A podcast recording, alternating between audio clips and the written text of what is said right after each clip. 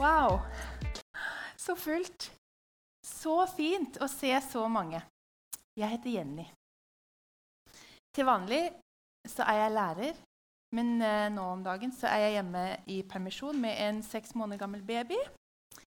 Og i tillegg til det så har jeg en gutt på tre år og en mann på 34. Det er veldig fint. Eh, de eh, turte ikke komme i dag fordi at uh, mannen min var litt redd for at han ikke klarte å dra sønnen min ned fra scenen. For han er så veldig glad i å være med opp. Så vi gjorde det enkelt i dag. Ja, stakkars. Gå glipp av det her. Hæ? Jeg, har, jeg sitter med så mye frysninger når dere synger. Ordentlig vin. Veldig bra. Uh, I den taleserien som vi har om dagen, så gjør vi det jo litt sånn som uh, når vi leser i en sånn Finn Willy-barnebok, eller Hvor er Willy-barnebok. Vi leter etter Jesus. Ikke i en bildebok, men vi prater om hvordan vi kan oppdage Jesus i verden rundt oss, i oss selv, i menigheten. Og i dag så spør vi hvor er Jesus i Bibelen? Og på en måte så kan man jo si push. Hvor er Jesus i Bibelen? Eh, Bibelen handler jo om Jesus. Hallo. Eh, er det noe vits, liksom? Det blir nesten som å ha en sånn stor, rødstripete Willy midt på boksida, og så spør jeg 'Hvor er Willy?' Sånn, hallo. Men så, så, så, så, det er klart. Det er gjennom Bibelen eh, at vi vet det vi vet om Jesus. Men eh, allikevel så er det ikke alltid så lett å vite hvor man skal begynne for å finne Jesus i Bibelen.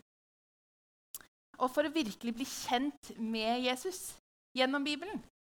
Eh, Bibelen er jo en litt lang og en litt vanskelig bok. sant? Eh, hvis du åpner den på en hvilken som helst side og tenker eh, nå skal jeg finne Jesus, eh, så kan jeg tenke meg at du kan bli ganske forvirra og tenke at eh, her fant jeg i hvert fall ikke Jesus.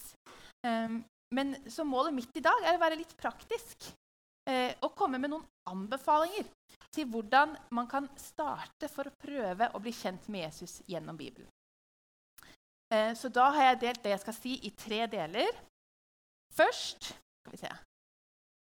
Jeg har en rødstripte tema i dag, som dere ser.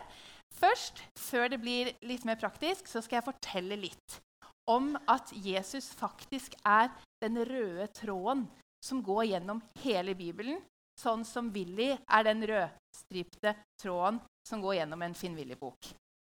Okay? Nummer to så skal vi ha en lesestund. Det er derfor jeg har hentet stolen. En lesestund for å se om vi kan oppdage Jesus i Det gamle testamentet. Og så skal jeg komme med et forslag til hvordan man kan bli bedre kjent med Jesus i Det nye testamentet. Så da begynner vi med det første punktet. Jesus er Bibelens røde tråd. For hvis du vet litt om Bibelen, så vet du at den er delt i to deler. Den første delen heter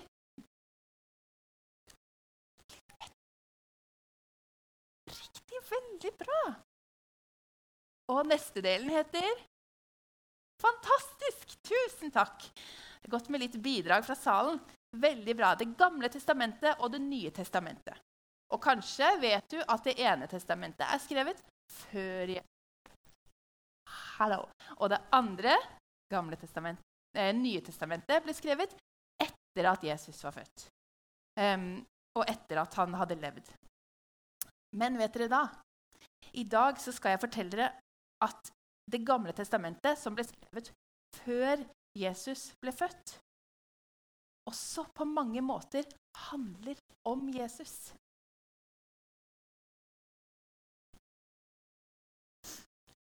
Allerede før Jesus ble født, så var det veldig mange som venta på at Messias skulle komme. Og Vi som er kristne, vi tror at Jesus var Messias. At han er Messias. Og hvorfor venta de på ham? Jo, fordi de hadde lest i Det gamle testamentet. Der er det smekkfullt av løfter om at Messias skal komme og ta vekk det vonde i verden og opprette Guds rike på jorda. Og folk venta faktisk utrolig spent. Jeg husker Da jeg var liten, så satt jeg stuevinduet, ved, stue, ved stuevinduet i huset vårt på Hamar, der jeg vokste opp. Og så så jeg ut, og så fulgte jeg med på veien som kom opp mot huset vårt. Fordi sånn, Jeg husker spesielt når fetteren og kusinene mine skulle komme på besøk. Jeg gleda meg så innmari. Jeg satt der og venta, og kunne, de kunne liksom ikke komme fort nok. Så satt jeg og så på bilene som kom, og bare jeg hørte en bil nede i gata. Det sånn, er det de som kommer nå? Er det de som kommer nå? Og sånn tror jeg faktisk at vi kan se for oss at menneskene før Jesus venta utrolig spent på at Messias skulle komme. De lurte veldig på når han ville komme, for de visste ikke akkurat når han ville komme. Og de lurte på hvem det ville være som var Messias. Og allerede fra Jesus var en liten gutt, allerede fra han ble født, så skjønte noen at dette må være den Messias som vi har lest om i Det gamle testamentet. Og da han gjorde mirakler og helbreda massevis av mennesker som var syke, noen var blinde, noen var døve, noen var til og med døde, så var det flere som skjønte dette må være Messias som var blitt lovet. Og da han sto opp fra de døde selv, da var det enda flere som skjønte det. Og fra da og helt fram til i dag så går det fremdeles opp for mennesker over hele verden at Jesus må være Messias. Så faktisk så kan man tenke seg at hele Bibelen handler om Jesus, ikke bare Det nye testamentet, men hele Bibelen. Og nå blir det litt gøy, for nå skal vi ha lesestund. Og grunnen til at jeg ville ha lesestund, det er fordi at jeg har en barnebibel som heter 'Bibelen forteller om Jesus'. Og den er så fin, fordi at i hver av historiene fra Det gamle testamentet så forklares det hvordan den historien, den enkelte historien peker fram mot og på en måte forteller om Jesus. Så Den forklarer på en enkel måte hvordan Gud satte i gang en hemmelig redningsplan etter at Adam og Eva hadde synda og blitt kasta ut av Edens hage. En plan som innebar at på et punkt i historien så ville Gud selv komme til jorda for å frelse verden og redde verden og redde menneskene fra synden som hadde kommet inn i verden. Så jeg syns at dette kom veldig godt fram i hvordan denne her Bibelen eh, eh, presenterer historien om Abraham og Isak, som eh, jeg da vil lese. Og eh, den, den, er jo litt brutal, denne historien. Eh, så jeg tenker at det, det, kan hende at dere foreldre kan ta en liten samtale på sengekanten i kveld hvis det oppleves nødvendig. Eh, men vi, vi, mange, mange, her kjenner jo kanskje historien, så mange har kanskje hørt den før. Så det kan vel ikke gå for galt, tror du det? Eh, så derfor så har jeg da denne her stolen. Tenkte ingen lesestund uten en god stol alle, så kommer det bilder på skjermen, så dere kan følge med på bildene. Ok. Gaven har de kalt denne historien. Gud visste at den hemmelige redningsplanen bare kunne gå bra hvis Abraham stolte fullt og helt på ham. Gud måtte være sikker på at Abraham ville gjøre alt han ba han om. Noen år senere ba derfor Gud Abraham om å gi ham en gave. Abraham likte å gi gaver til Gud. Han ga Gud dyrene sine. De ble kalt offer, og dette var en måte Abraham viste Gud at han var glad i ham. Men denne gangen ville ikke Abraham Denne gangen ville ikke Gud ha verken lam eller geit. Gud ville at Abraham skulle gi ham noe mer, mye mer. Han ville at Abraham skulle gi ham sønnen sin, den eneste sønnen han hadde, den sønnen han elsket, Isak. Skulle han legge denne gutten på alteret og drepe ham som et offer? Hvordan kunne Gud be ham om å gjøre noe så grusomt? Abraham kunne ikke forstå det, men han visste at Gud var hans far, og at han elsket ham. Derfor stolte Abraham på Gud. Tidlig neste morgen satte Abraham og Isak av sted. De klatret oppover den bratte stien opp fjellet. Isak bar veden på ryggen, mens faren bar kniven og kullstykkene. Pappa, sa Isak, vi har med oss alt annet, men jeg tror vi har glemt å ta med lammet som skal ofres. Gud kommer til å gi oss lammet, gutten min, svarte Abraham. De bygde et alter, et slags bord, og la veden på toppen. Så ba Abraham sønnen om å legge seg oppå veden. Isak forsto ikke hva som skjedde, men han visste at faren elsket ham, og derfor stolte han på ham. Gutten klatra opp på alteret, og Abraham bandt ham fast i veden. Isak verken kjempet imot eller forsøkte å springe sin vei, men lå bare stille uten å gi fra seg en lyd. Alt var klart. Abraham grep kniven. Tårene fylte øynene, og han hadde vondt i hjertet. Hånden skalv. Han løftet kniven høyt opp i luften. Stopp! ropte Gud. Ikke gjør gutten noe! Jeg vil at han skal leve og ikke dø. Nå vet jeg at du elsker meg fordi du var villig til å gi meg din eneste sønn.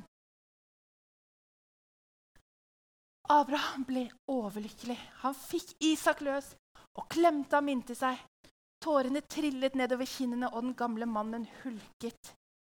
De ble sittende slik og holde rundt hverandre lenge der på fjellet, far og sønn.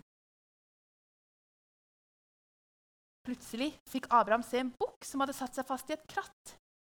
Der var offeret! Gud hadde gitt dem det de trengte i rett tid. Nå kunne bukken dø, slik at Isak ikke trengte å dø, og Abraham ofret bukken i stedet for sin sønn. Mens de satt der på fjelltoppen og tittet på glørne som ebbet ut i den kalde nattelufta, funklet stjernene over dem, og Gud hjalp Abraham og Isak til å forstå noe viktig. Gud ønsket, at folket hans, eh, Gud ønsket at folket hans skulle leve, ikke dø. Gud ville redde folket, ikke straffe dem, men de måtte stole på ham. En dag kommer en helt spesiell person til å bli født inn i deres familie, lovte Gud. Han vil bringe glede til hele verden. Gud gjorde seg klar til å gi menneskene verdens beste gave. Dette var Guds måte å fortelle dem hvor høyt han elsket dem. Mange år senere skulle nemlig en annen sønn stige opp på en høyde med en trebjelke på ryggen. Akkurat som Isak måtte han stole på sin far og gjøre det faren ba ham om. Han verken kjempet imot eller rømte sin vei. Hvem var han? Det var Guds sønn, hans eneste sønn. Den sønnen han elsket. Guds lam. Så akkurat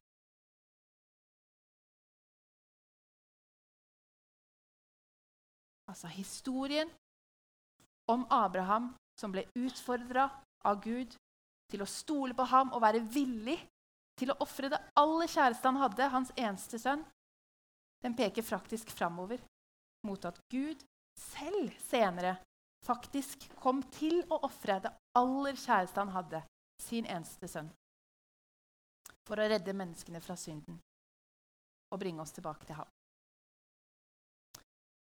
Og nå har ikke jeg blitt betalt eller noe sånt for å si dette, men det er altså denne spesifikke barnebibelen jeg anbefaler i dette tilfellet. Fordi at den, den drar faktisk fram den røde tråden så fint og peker på Jesus gjennom hele Det gamle testamentet også. Og det syns jeg er så fint at jeg er villig til å ha en liten annonse nesten. ikke sant?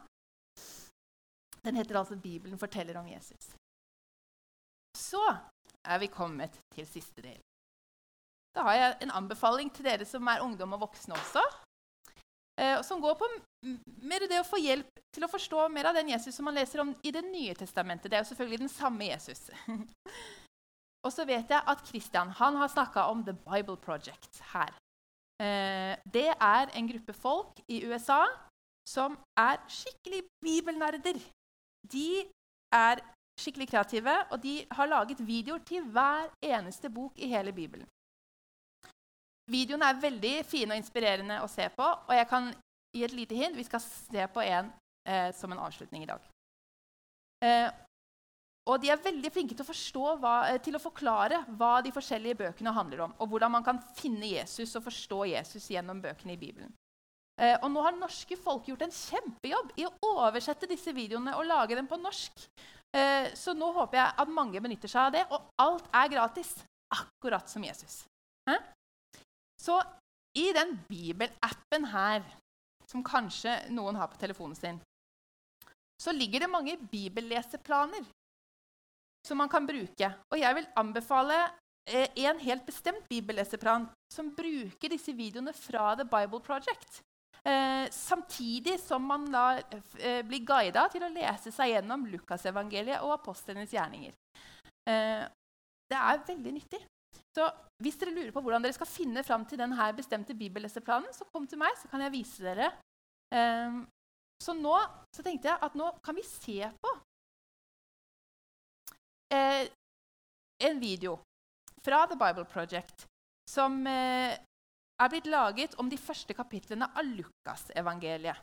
Den blir da brukt i denne bibelleseplanen. Og Der kommer det også veldig godt fram hvordan eh, Jesus kom som en del av denne hemmelige redningsplanen til Gud, som han satte i verk helt i begynnelsen, helt tilbake fra Adam og Eva sin tid i Edens hage. Nå tror jeg kanskje jeg må bort og så trykke manuelt. Er lyden eh, klar? Tror vi. Skal vi bare prøve, så ser vi?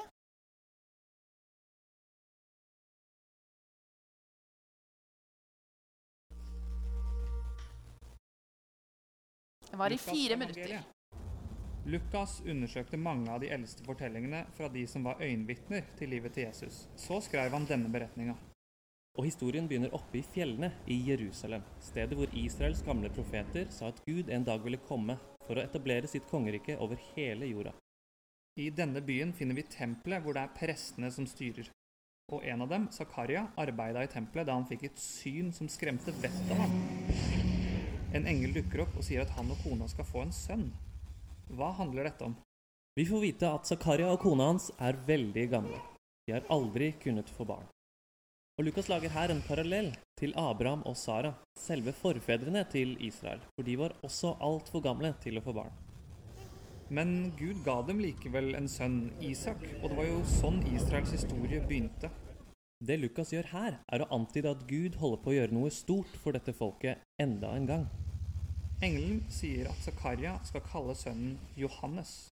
Og så sier han at denne sønnen skal oppfylle et løfte som Gud ga gjennom de gamle profetene i Israel at en dag skulle noen komme for å forberede Israel til å møte sin Gud når han kom for å regjere i Jerusalem. For akkurat nå er det romerne som regjerer i Jerusalem. Ja, for å være helt nøyaktig er det Herodes som styrer. Han er en marionettkonge som er underlagt Romerriket. Og det jødiske folket ønsket mer enn noe annet å bli frie og styre seg selv i sitt eget land. Så det her er sjokkerende nyheter.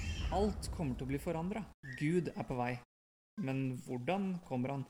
Jo, for å finne ut av det tar Lukas oss med ut av Jerusalem og opp til en liten landsby i fjellene i en avsidesliggende region som het Galilea. Og der finner vi en ung kvinne som heter Mariam, men som vi kaller Maria. Hun var forlova og skulle snart gifte seg.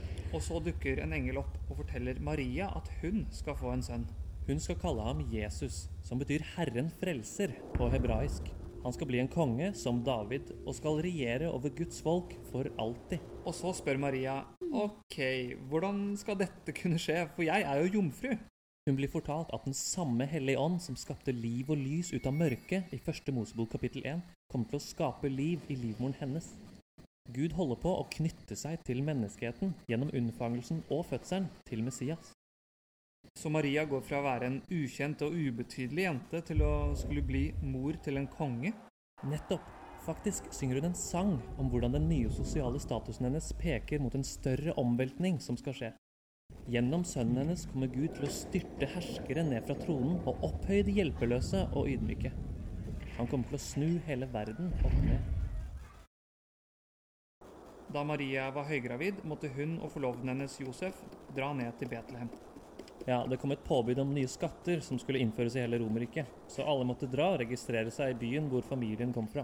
Det var så mange reisende i Betlehem at de ikke fant noe gjesterom. Så det eneste stedet de kan finne, er en plass hvor det sover dyr. Nå var det noen gjetere i nærheten som var ute med dyra sine. Og så dukker det opp en engel, og det setter forståelig nok en skikkelig støkk i dem. Men de får beskjed om å feire, for i kveld er det blitt født en frelser i Betlehem. Ja, de blir bedt om å gå og finne denne babyen, og de kommer til å skjønne at det er Messias, for han skal være pakka inn i filler og ligge i en skitten kasse med høy. Ja, det er ganske ekkelt. Helt klart. Og så kommer disse gjeterne, som ikke er spesielt rene sjøl, og finner den nyfødte Jesus på dette ganske shabby stedet, og de blir helt satt ut. Mens de går hjem, tenker de hva i all verden er det som holder på å skje? Alt det her er helt merkelig. Jeg mener, Hvis Gud virkelig kom for å redde verden, så er ikke dette måten man skulle tro at han ville komme på. At han blir født i en stall med dyr av en eller annen tenåringsjente og feira av noen tilfeldige gjetere. Nettopp. Alt er jo snudd på hodet i fortellinga til Lukas, og det er hele poenget. Han viser hvordan Guds rike først ble åpenbart på disse skitne stedene blant fattige og hjelpeløse folk, fordi Jesus er her for å gi frelse ved å snu hele vår verden opp ned.